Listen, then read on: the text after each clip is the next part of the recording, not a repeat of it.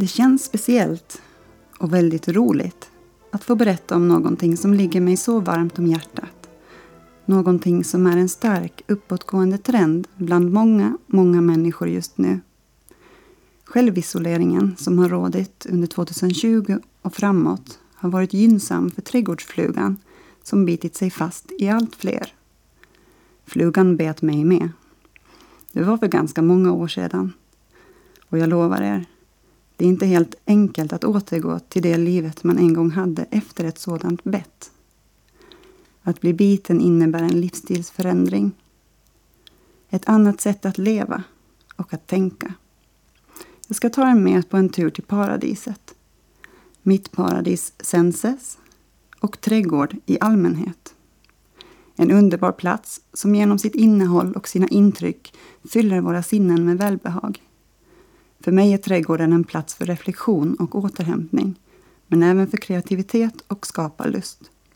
En plats där jag kan få bekräftelse för min kreativitet och feedbacken syns. Ibland som ett slag i magen, då det inte alltid gått som man tänkt sig. Men för det mesta blir man belönad med omedelbar positiv bekräftelse. Jag heter Birgitta Karlsson och är lite av en trädgårdsnörd. Men det var först efter några år med egen trädgård som nörden i mig vaknade och blev biten av den där flugan. Kärleken till trädgården och till moder natur är evig.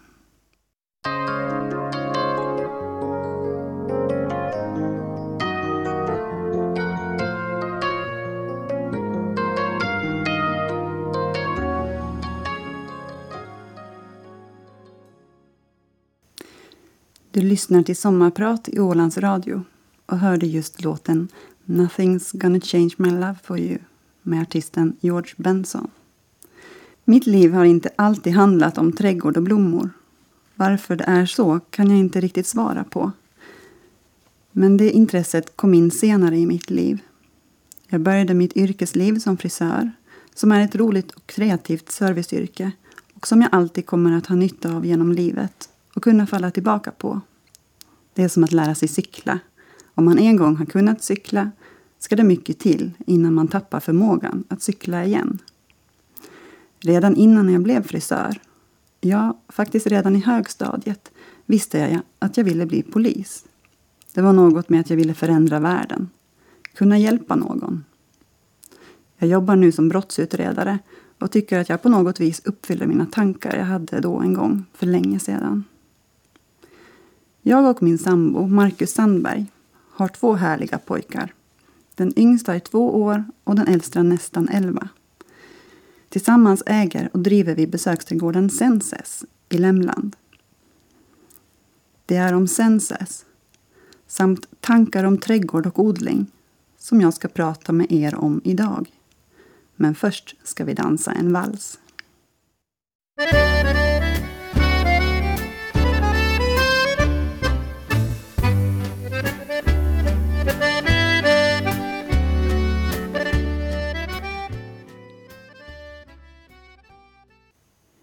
Sjösala vals. Här är en instrumentalversion av Roland Cedermark. Den sången valde jag som en hyllning till min pappa som tråkigt nog lämnade detta jordelivet alldeles för tidigt. Just Evert Taube var också den artist som fanns på den LP-skivan som jag som barn spelade om och om igen. Ja, den och Pippi Långstrump på de sju haven. Jag har alltid tyckt om att sjunga Taubes texter sitter som klistrade kvar i minnet sedan barndomen. Ja, det är sant. Jag kan hela den här Samborambon, ni vet Fritiof och Carmencita, utan till.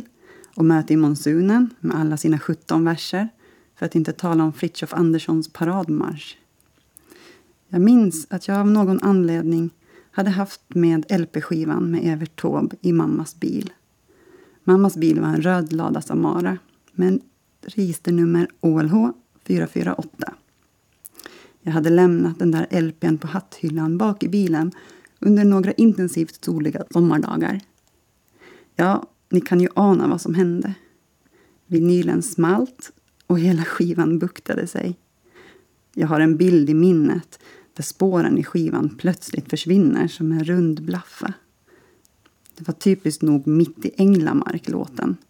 Så himla typiskt. Bästa sången, liksom. Jag minns hur otroligt ledsen jag var för att den där skivan blev förstörd. Min pappa Vidar. Ja, han var ett stort fan av Cedermark.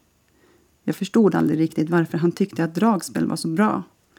Men även taxichauffören som skjutsade mig till skolan varje dag spelade Cedermark i skolbilen. Min pappa var inte som Rönnedal i Taubes visa. Men det var han som lärde mig dansa vals. Och det var han som odlade de mest fantastiska jordgubbarna. Min pappa var sjöman och kock. Och han odlade mat. Det var potatis, gurkor, morötter, tomater, plommon, körsbär, dill och persilja. I något skede hade vi en gurkodling nedanför huset på en teg. En annan period skulle pappa och min farbror Viking odla champinjoner. Men hur det gick med det, det måste jag nog fråga min farbror om. Jag kan inte säga att mitt odlingsintresse startade tillsammans med min pappa. Fastän han hjälpte mig att odla solrosor till 4H-tävlingen.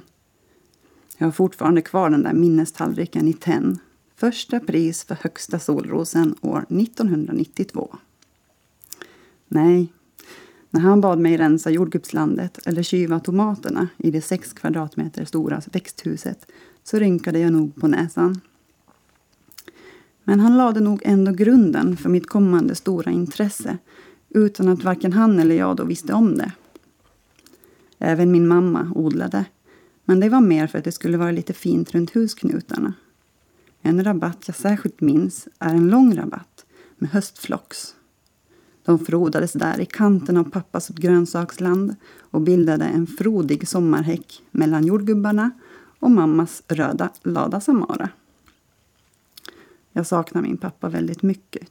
Och min mamma har sagt att hon tycker att det är så tråkigt att pappa inte hann uppleva senses och vad det har utvecklats till. Men jag tror han råkar runt uppe i himlen i en rosa helikopter eller svävar som en örn och kikar ner på oss som fortfarande har vår stund här på jorden.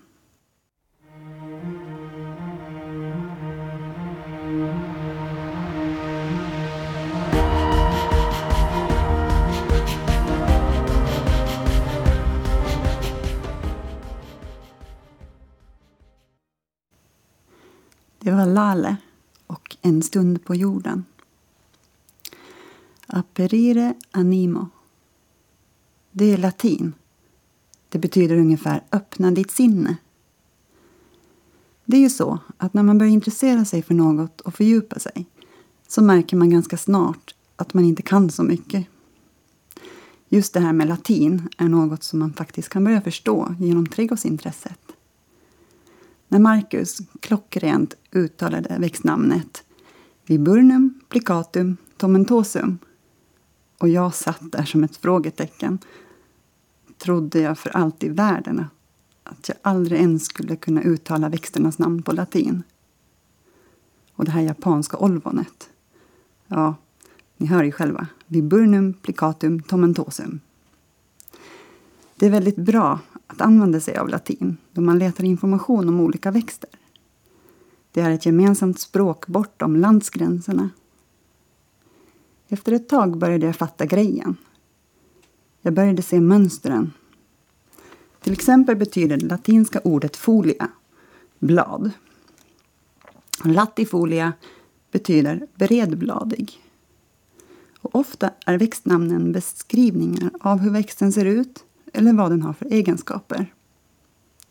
Ett bra exempel är om man vill ha någon växt som doftar gott. Då ska man leta efter det latinska ordet odoratus eller odorata i det vetenskapliga växtnamnet. Just odoratus betyder väldoftande. Luktärt heter till exempel Latyrus odoratus och luktviol heter Viola odorata. Vår trädgård har vi döpt till senses. Själva ordet senses är engelska och betyder sinnen. Det är ju inte helt enkelt det där med att döpa en plats Eller som det var, nu var för oss, även ett företag. Vi ville vara internationella eftersom vår målsättning är att bli en av de bästa eller finaste trädgårdarna i Skandinavien. Och engelska är ju gångbart i stora delar av världen. Till vårt namn har vi också gjort ett tillägg med de latinska orden aperire animo som betyder öppna sinnen. Aperire animo för att få den där touchen av latinet som knyter växtfolk närmare varandra. Vi ville ju också att namnet skulle associeras med våra visioner.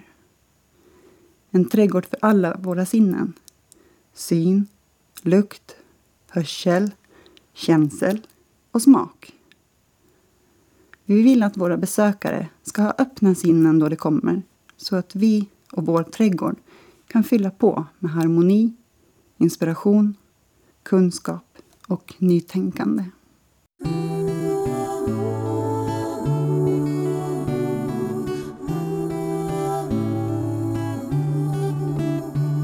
You fill up my senses like a night You fill up my senses. Det fyller mina sinnen. Det var Annies sång med Candice Night. Ni lyssnar till Sommarprat i Ålands Radio. Jag heter Birgitta Karlsson, är lite av en trädgårdsnörd.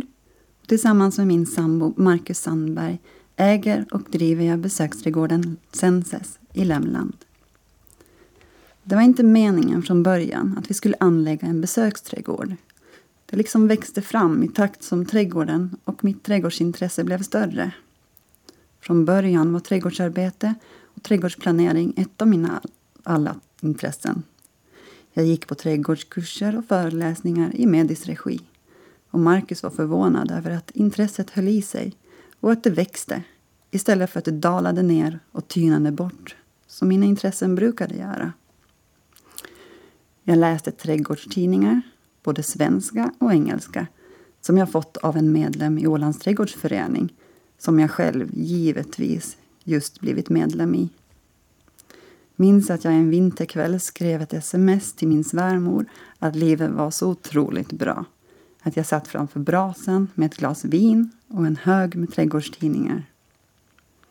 Jag var som besatt av trädgård och varje år när hösten kom så längtade jag och såg fram emot vår, vårvintern. När trädgårdsmässan Nordiska trädgårdar gick av stapeln i Älvsjö i Stockholm jag skulle dit till varje pris. Om det var min arbetshelg så bytte jag arbetstider så jag skulle ha möjlighet att fara. Och flera år var jag dit tillsammans med en kompis. 2010 åkte jag ensam. Då rymde jag till och med från sjukhuset för att få besöka mässan. Jag var gravid med vår första son och var inlagd med kanyl i handen i och med att jag fick medicin intravenöst morgon och kväll. Jag minns så väl hur otroligt besviken jag var när jag blev inlagd. Jag skulle ju på mässan, som jag hade väntat och längtat. Jag låg på gynavdelningen och där var en barnmorska som jag genast tyckte så mycket om. Vi pratade och hon var så rar. Vi pratade trädgård och dans. Hon förstod mig men kunde ju inte rekommendera mig att fara på mässan. Infektionsrisken var för hög, sa de. Denna underbara kvinna, som jag tycker så mycket om, var inte på jobb när jag rymde. Jag sa det till sjuksköterskan som hade hand om mig den morgonen. Minns tyvärr inte hennes namn. Att jag skulle vara försiktig och lovade dyrt och heligt att komma tillbaka samma kväll igen för nästa medicindos. Hon kunde ju inte tvinga mig att stanna. Jag tog morgonfärjan och tillbringade den efterlängtade dagen i mässhallarna i Älvsjö. Jag minns hur jag gömde min lindade hand inne i tröjärmen för att ingen på mässan skulle tycka att det var konstigt att jag sprang runt där i alla montrar med en kanyl kvar i handryggen. Jag åkte direkt från färjan, snällt tillbaka till sjukhuset jag somnade lycklig i sjukhussängen den kvällen. Barnmorskan som förstod mig var sedan lyckligtvis i tjänst när jag skulle föda i slutet av augusti. Idag är hon en av mina älskade sångarsystrar och vi har många fina minnen av sång, dans och gemensamma högtider tillsammans. Hon har precis slutat sitt arbete som barnmorska och vet ni, nu har hon också blivit biten av trädgårdsflugan och har i år, som nyhetens behag, sått sex olika sorters dill. Det var så roligt när hon i april berättade med engagemang och glittrande ögon för alla i vår gemensamma kör att hon hade inte ens, vetat om att det fanns så många olika sorters dill. Ja, man kan verkligen få dille på trädgård om man blir biten av trädgårdsflugan.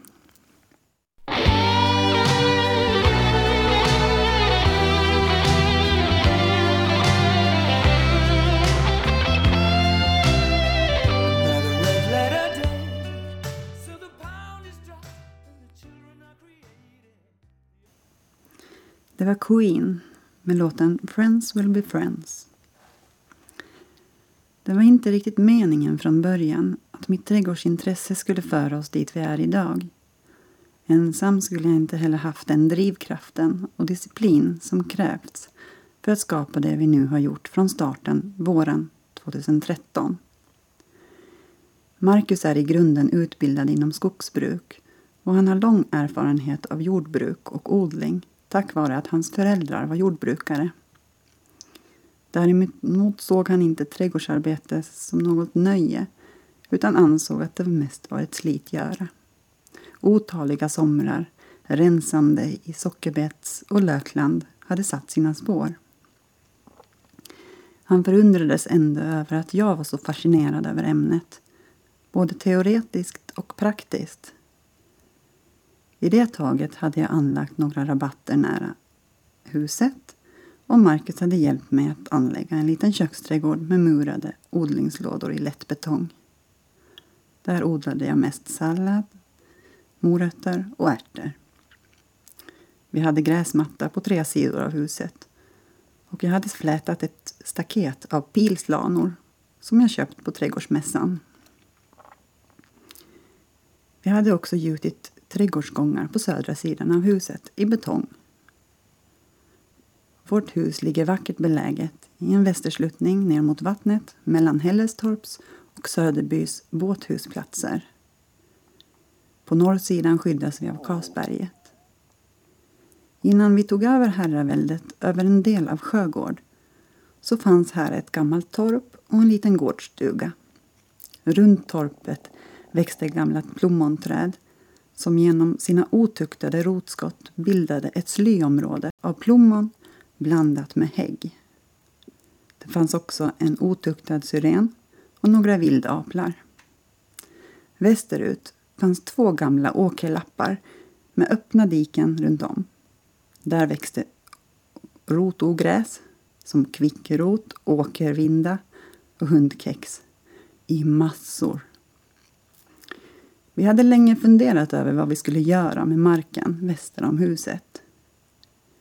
Just då ägde vi inte strandremsan med den lilla stugan från 70-talet. Så tomten slutade retfullt nära stranden. Vi är numera ägare till stranden och där pågår anläggning med prydnadsgräs i fokus. Då före 2013 köpte vi ungefär 20 stycken äppelträd som vi gärdade in med viltstängsel och så täckte vi marken mellan träden med begagnad markduk och ovanpå det lade vi täckbark. Vi hade ju läst att det skulle vara så bra. Träden trivdes aldrig riktigt bra där. Marken som en gång hade varit sjöbotten bestod av tung lerjord och ett tunt humuslager ovanpå. Och så allt detta ogräs. Inte undra på att äppelträden inte trivdes då vi planterade ner dem där i leran. På hösten 2012 var jag borta hemifrån i omgångar. Under tiden jag var borta så hade Marcus skissat på området väster om huset. Där som vi hade anlagt vår lilla äppelodling. Han sa det till mig kryptiskt. Jag har skissat lite. och så visade han mig arket med millimeterpapper där han hade ritat upp strukturen över hur det ser ut idag. Med häckar och siktlinjer. Jag blev förvånad, ja, häpen och väldigt glad. Det var fint. Det kunde bli fantastiskt vackert. Marcus sa det till mig. Om man gör någonting så gör man det ordentligt. Annars kan det vara. Jag var inte svårövertalad om man säger så. Våren 2013 påbörjades arbetet och sedan dess hade det rullat på. Mycket arbete och pengar är satsade för att åstadkomma det vi faktiskt har gjort genom åren. Allt eftersom trädgården blev finare och växte till sig så kände jag att det var synd att hålla allt det vackra för oss själva. Jag tyckte också att Åland saknade en trädgård som man kan besöka för att stjäla idéer och inspiration. 2016 tog vi emot våra första trädgårdsbesökare. När vi idag tittar tillbaka på foton från den tiden och jämför med hur trädgården ser ut idag kan vi inte riktigt förstå att vi var redo för besökare redan då. Men jag var så stolt över det vi hade gjort. Jag är en person med många strängar på min lyra. Och ett av mina andra intressen är att baka. Jag tycker det är kul och resultatet blir oftast bra. Trädgård och fika är ju en perfekt kombination. Då 2016 hade vi serveringen uppe på terrassen på vårt hus. Det var trångt och lite för intimt att ha okända människor så nära vår privata sfär. Så när vi hade tagit steget att ta emot betalande besökare påbörjades arbetet med den lilla stugan vid stranden som vi ytrenomerade till en liten servicelokal. Där vi tar emot kunder och där vi också serverar eh, fikat för våra trädgårdsbesökare. När jag diktar upp detta låter det nästan som en saga. En kan ha en dröm och två kan göra drömmen till verklighet.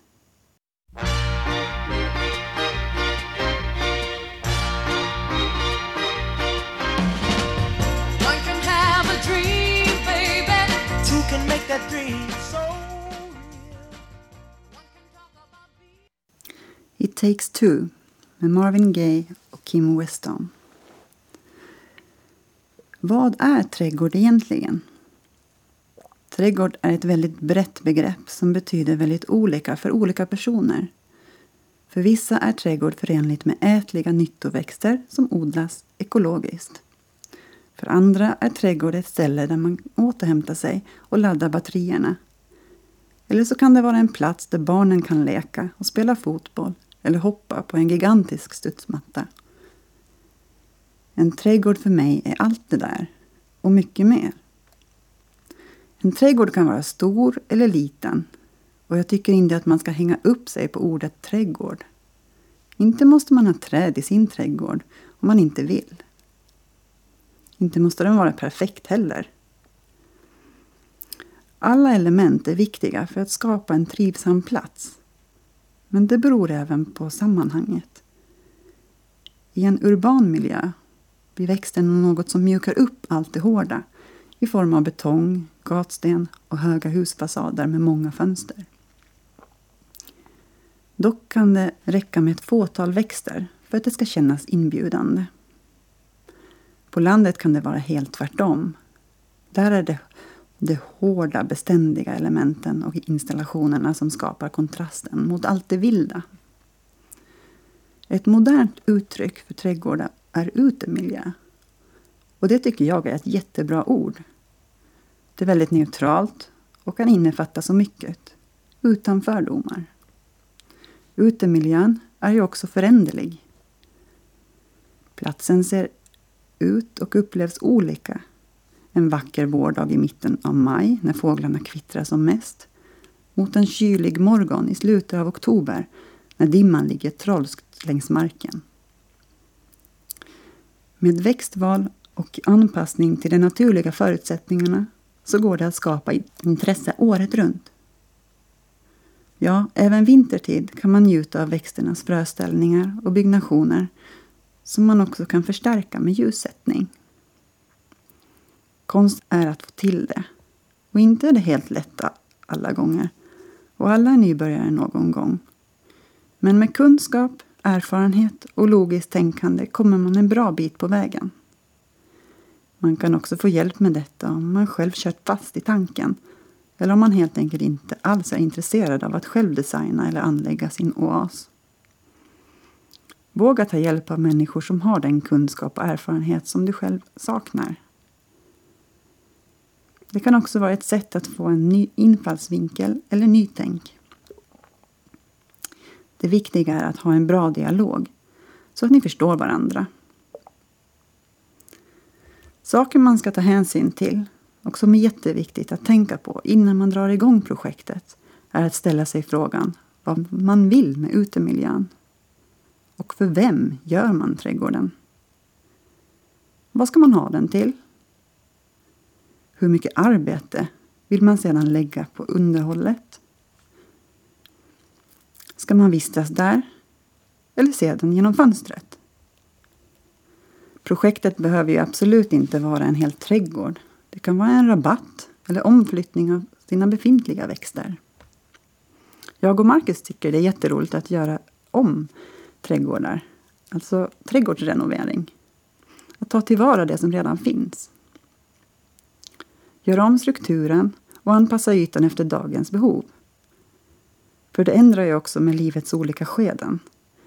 Och sedan komplettera med nya växter. Eller fasta element såsom stenläggningar, portaler eller varför inte en pergola som skapar höjd och skugga. Eller upphöjda odlingsbäddar som möjliggör odling eller gör underhållet snällare mot trötta, utslitna ryggar. Lyckliga stunder i min trädgård, det är för mig ofta sena, ljumma sommarkvällar när tankarna kan flöda fritt och det inte finns någonting som stör mig eller mina tankar. Det är de stunderna som man med glädje har med sig till vinterkalla dagar.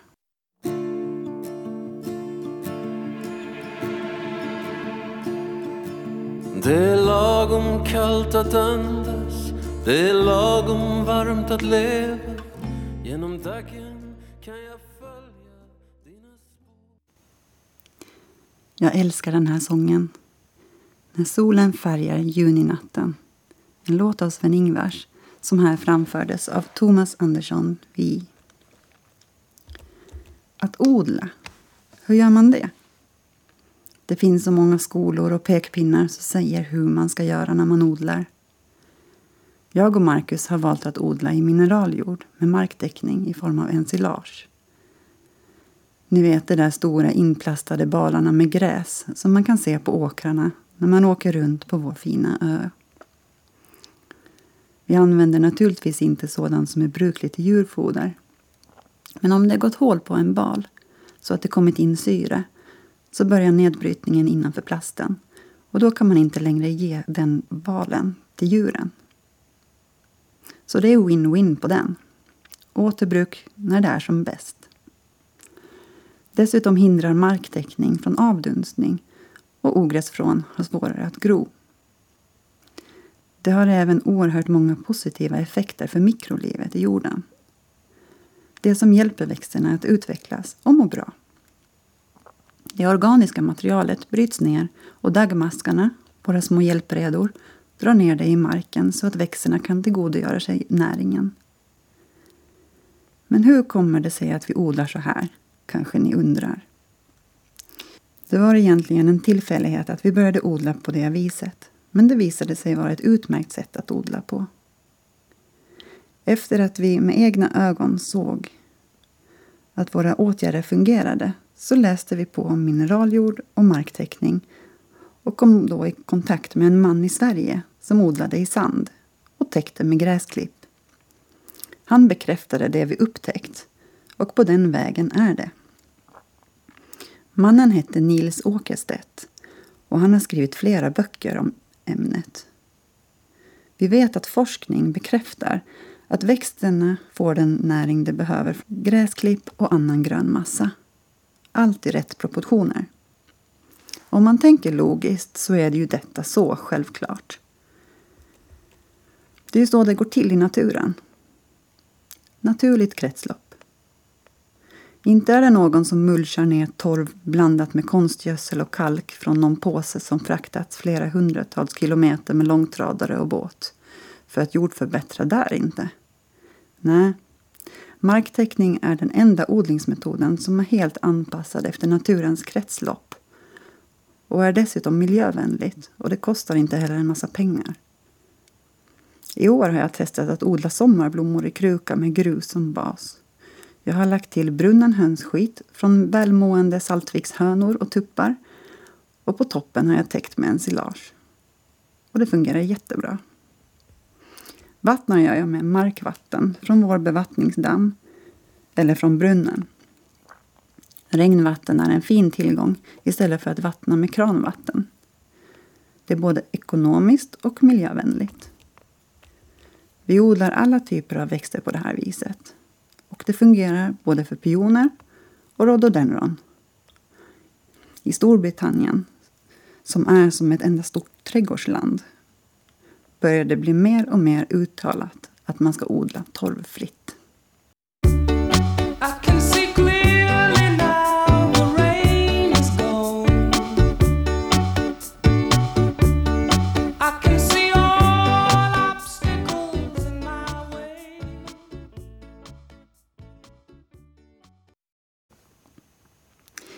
Ni lyssnar till Sommarprat i Ålands Radio. Jag som sommarpratar idag är lite av en trädgårdsnörd. Jag heter Birgitta Karlsson och tillsammans med min sambo Marcus Sandberg äger och driver jag besöksträdgården Senses i Lämland.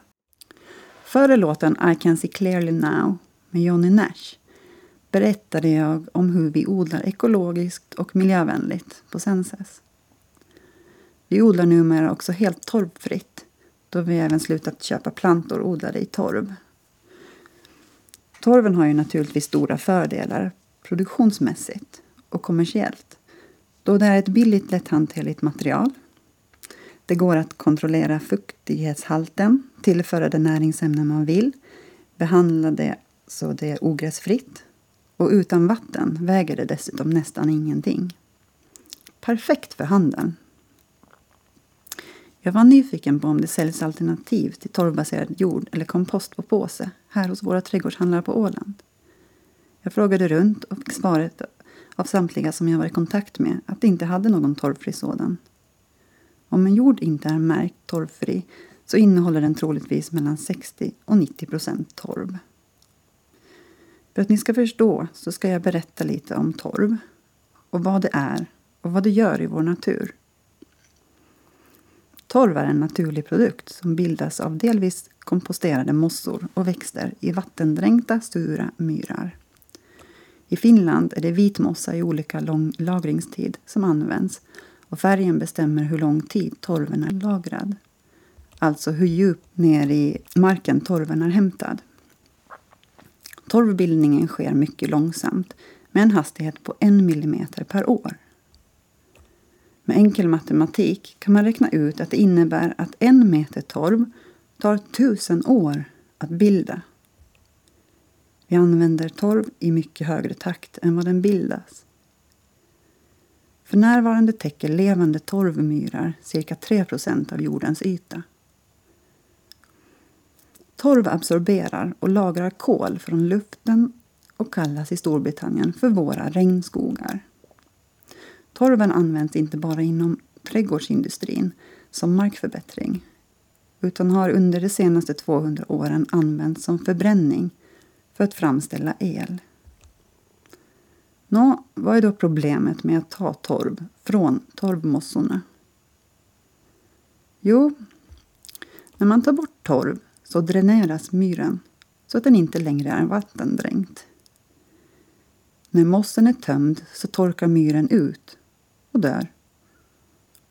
Förutom att skadade djur och insekter och växter som lever på myrarna kommer de döda torvmyrarna att släppa ut sina stora mängder av lagrat kol i atmosfären vilket kommer att bidra till global uppvärmning. I Finland uppgår myrmarkernas lager av kol till cirka 6 000 miljoner ton vilket motsvarar Finlands nuvarande utsläpp under nästan 400 år. Så istället för att köpa torv på påse så rekommenderar jag att använda egen kompost eller gräsklipp för att jordförbättra med. Den befintliga jorden vi har i naturen duker jättebra att odla i. Byt inte ut den mot påsjord utan berika den istället med naturlig kompost eller börja marktäcka. Stenar i jorden är inte dåligt för växterna utan bara irriterande och arbetsdrygt när du ska gräva. Om ni vågar, så testa vår metod att odla i grus. Och gör upphöjda planteringar med nyklippt, torkat eller syrat gräs på toppen.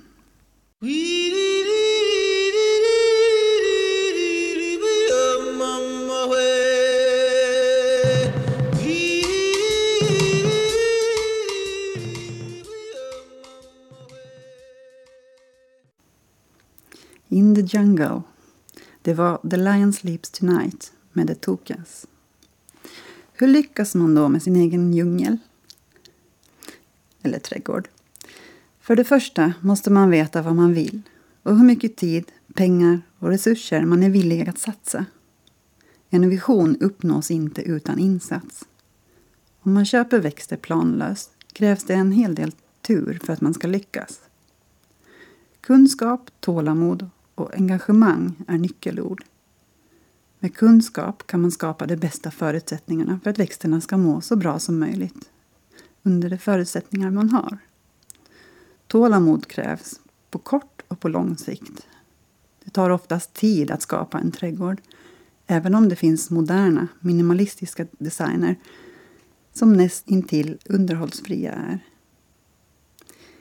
I egen trädgård kan man gott låta tiden hjälpa till. För oss har det visat sig att det ena har gett det andra och genom att jobba mycket i trädgården och lära känna sin trädgård faller ofta saker och ting på plats.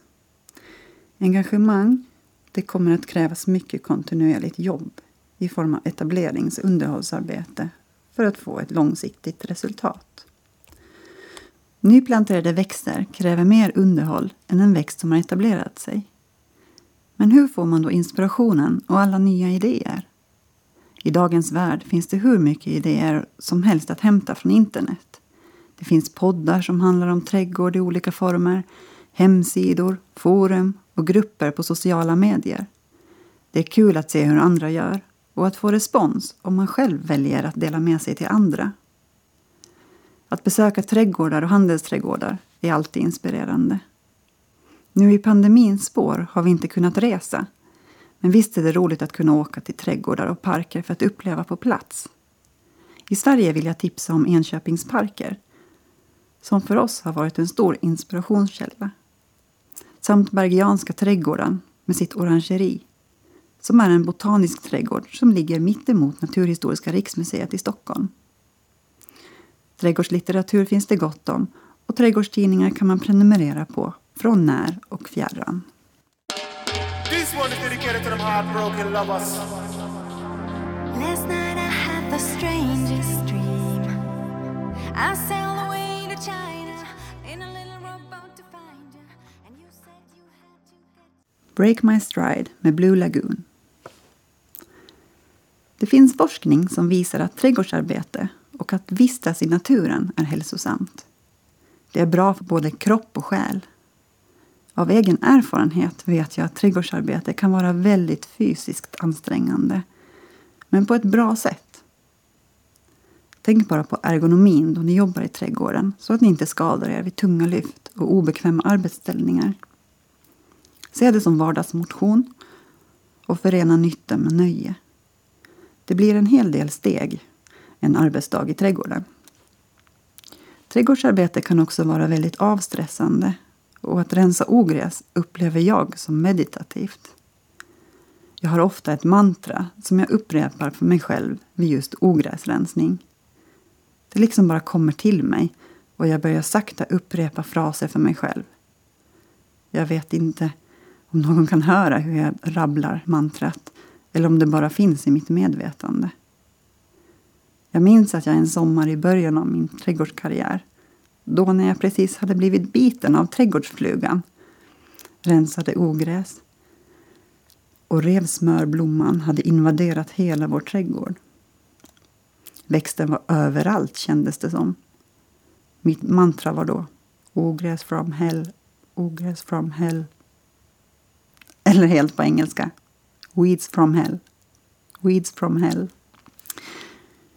Ganska ofta då jag är ute i trädgården så flyger tiden och jag tappar totalt tidsuppfattningen. Helt plötsligt har flera timmar fortskridit utan att jag har märkt det. Jag glömmer till och med ibland att äta. Jag blir helt enkelt inte hungrig utan får sådan flyt att jag inte vill sluta. Många kvällar har jag varit tvungen att gå in bara för att jag inte längre kan se något för att det har blivit för mörkt. Ja, jag erkänner. Jag har faktiskt jobbat utomhus och riggat bygglampa för att kunna slutföra trädgårdsarbete då timmen blev allt för sen.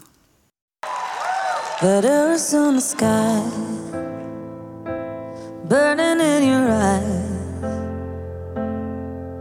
You look at me Babe, I wanna catch on fire Det var låten Always Remember Us This Way med Lady Gaga från filmen A Star Is Born. Det finns ett kemiskt doftämne som heter fytonsider. Fytonsider är ett ämne som träd utsöndrar för att skydda sig från angrepp av olika slag. Ämnet finns i luften, där det finns träd och när vi andas in detta ämne stärker det vårt immunförsvar. Är det inte fantastiskt att bara genom att vara utomhus i växtmiljöer får vi positiva effekter på vårt mående och välbefinnande. Även vår egen hjärna utsöndrar hormoner som får oss att må bra genom att vara i kontakt med växter. Att så frön och se hur det väcks till liv och hur det sedan växer är fascinerande på många plan. Känslan att vårda och vara behövd är ett uttryck för vår kontakt med det ursprungliga som är livet.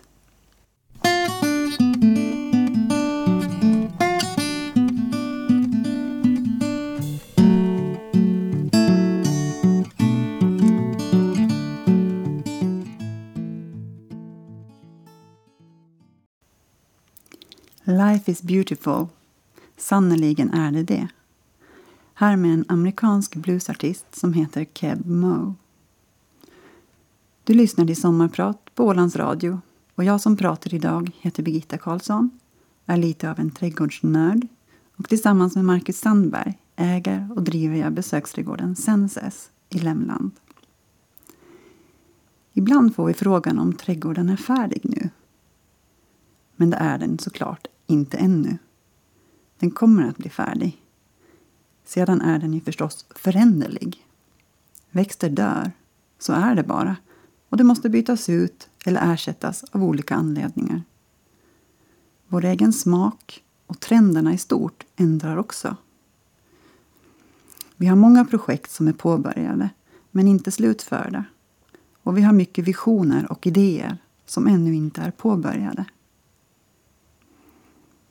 En annan fråga som vi fått och som vi själva ibland tänker på är om vi skulle börja om på nytt.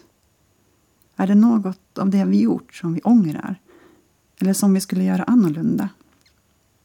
Svaret på den frågan är ja.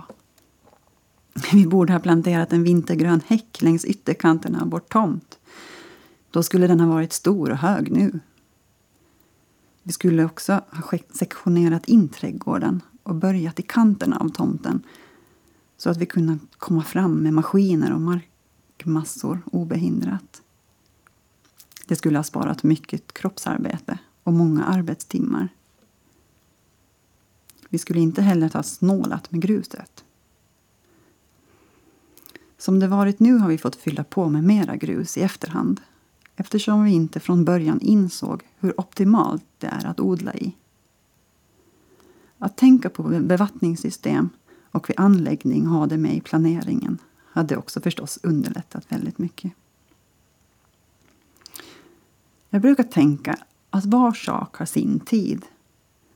Och det finns oftast en mening med allt. Många faktorer i odlandet kan vi välja hur vi gör. Men klimatet är ingenting vi kan påverka på kort sikt. Så vi måste lära oss att leva med de förändringar och extremväder vi har fått dras med nu i ett par år. Vi har haft en rad av torra, heta somrar bakom oss och den ena vintern är inte den andra sig lik. Gemensamt har varit de långa varma höstar som har gjort att växterna inte går i vintervila förrän kylan plötsligt slår till. Ju mer kunskap i form av erfarenheter vi får, så bättre rustade är vi för att tackla motgångarna. Efter regn kommer ändå alltid sol.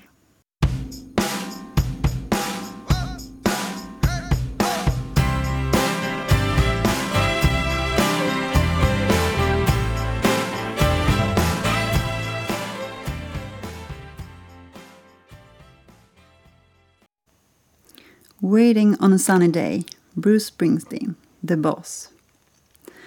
Att driva en besöksträdgård innebär att vi får träffa människor som vi annars aldrig skulle ha kommit i kontakt med.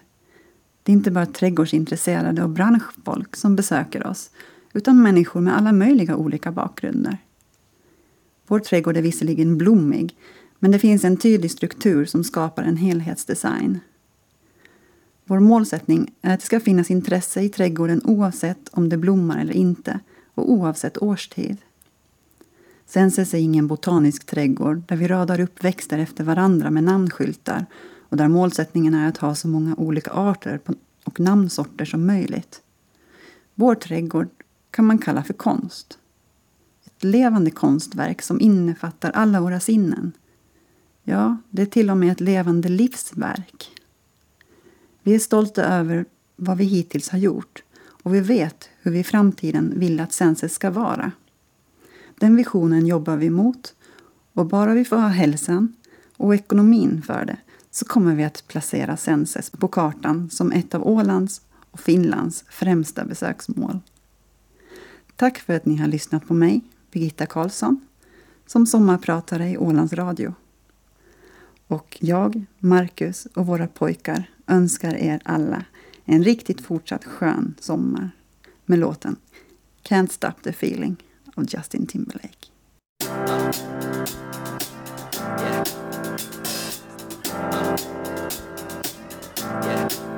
I got this feeling inside my bones